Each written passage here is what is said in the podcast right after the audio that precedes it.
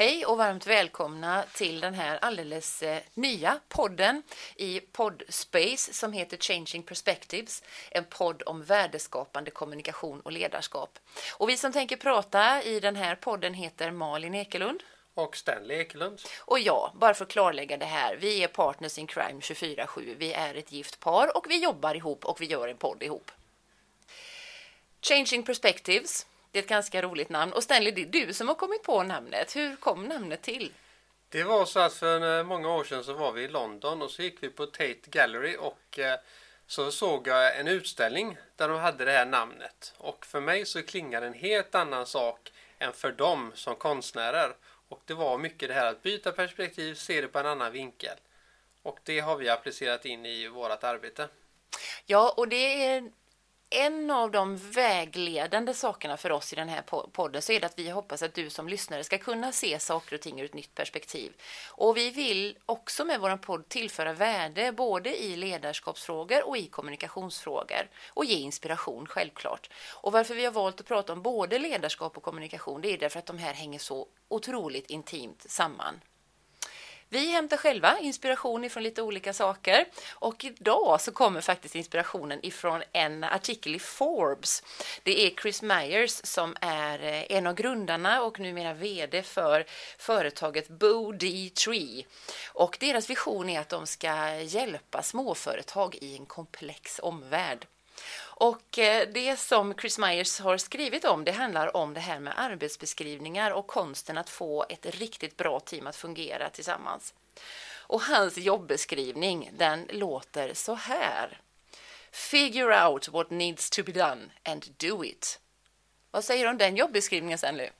Ja, det är inte den jobbeskrivningen som jag har erfarenhet av att man har utan oftast har man fått en beskrivning. Det här ska du göra och sen ska man alltid fråga om lov om eh, vissa beslut. Och det är lite där han vill komma ifrån. Att man inte ska behöva fråga om lov vid varje beslut som ska tas. Men det handlar ju då om att man ska släppa så att säga jobbet fritt. Funkar det? Ja, alltså någonstans är varför har man anställt personen? Är det för att de ska bara vara någon som gör det man blir tillsagd eller vill man ha någon som faktiskt driver frågan själv? Och de flesta företag vill ju ha någon som driver ett projekt någonting annat framåt hela tiden. Ja, för jag tänkte när jag läste det här att ja, ja, det går ju lätt att säga när man driver ett innovationsföretag eller man handlar om marknadsföring och kommunikation. Då kan man ju släppa alla de här kreativa stollarna fria. Men egentligen borde det ju gå att överföra på vilken bransch som helst. Ja, men då gäller det att eh, skapa en rätt företagskultur där man tillåter att göra misstag.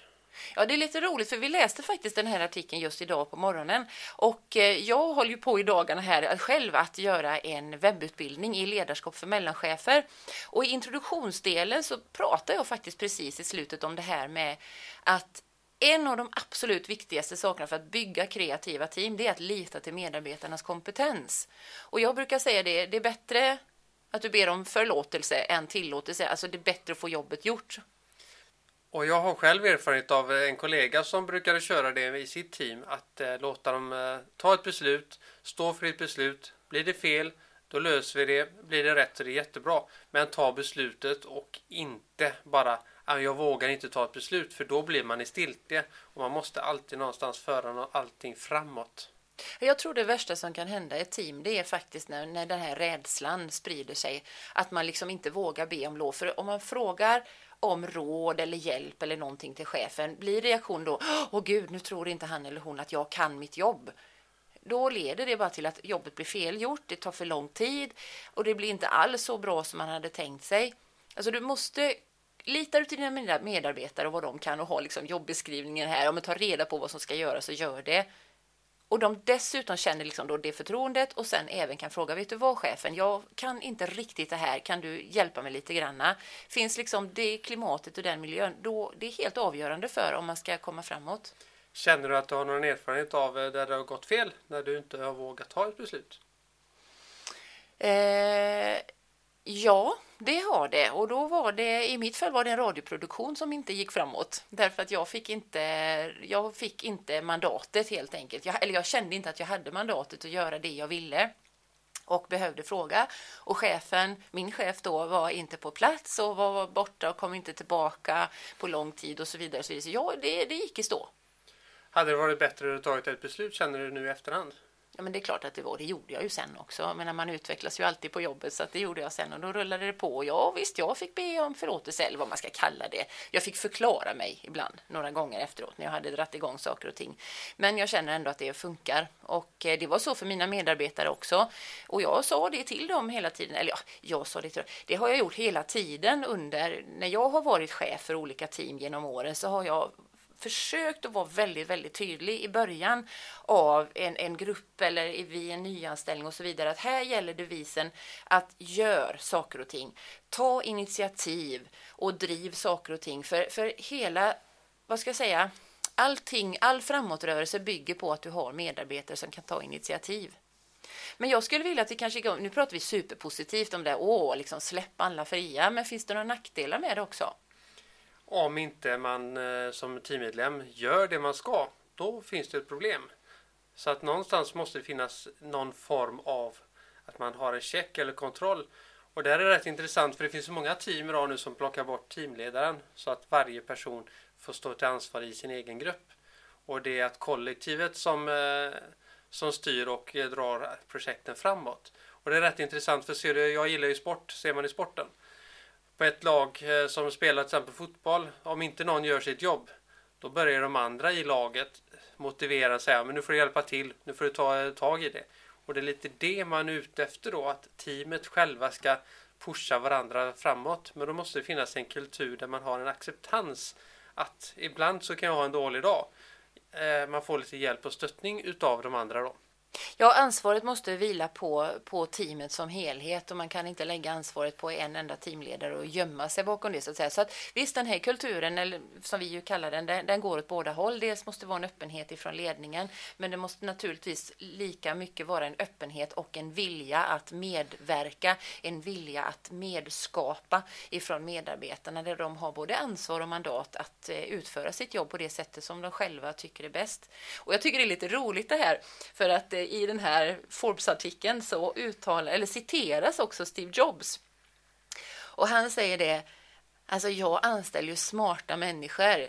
Det gör jag för att inte jag ska behöva säga till dem vad de ska göra, utan för att de ska säga till mig vad som ska göras. Och det är ju lite grann det som är kärnan av utveckling, att du faktiskt lyssnar på vad medarbetarna... Herregud, har du team på 10 pers så kan de förmodligen mycket mer tillsammans än vad du själv kan som chef.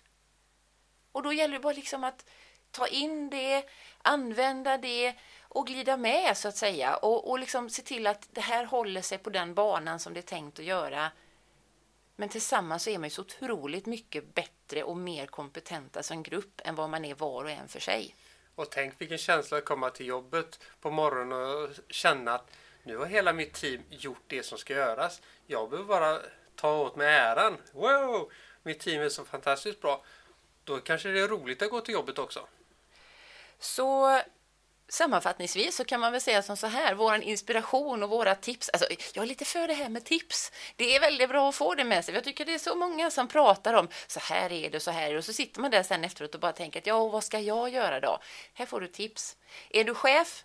Se till att lita på medarbetarna och delegera på allvar, även om du tycker att det känns lite tufft och du vill vara där och peta och kolla och säga hur saker och ting ska vara. Du, de är väldigt bra, dina medarbetare. Och är du själv medarbetare, ta ditt ansvar.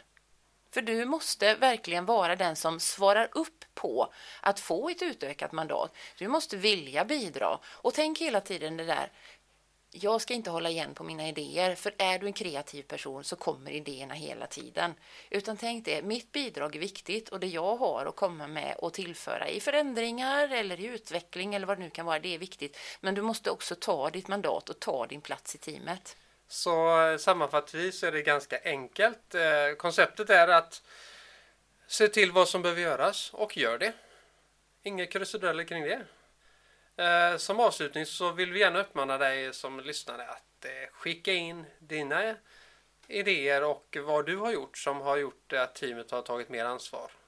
Och det gör du gärna på info at changingperspectives.se då säger vi bara tack för idag och hoppas att du har fått inspiration. Och ha en fortsatt trevlig dag.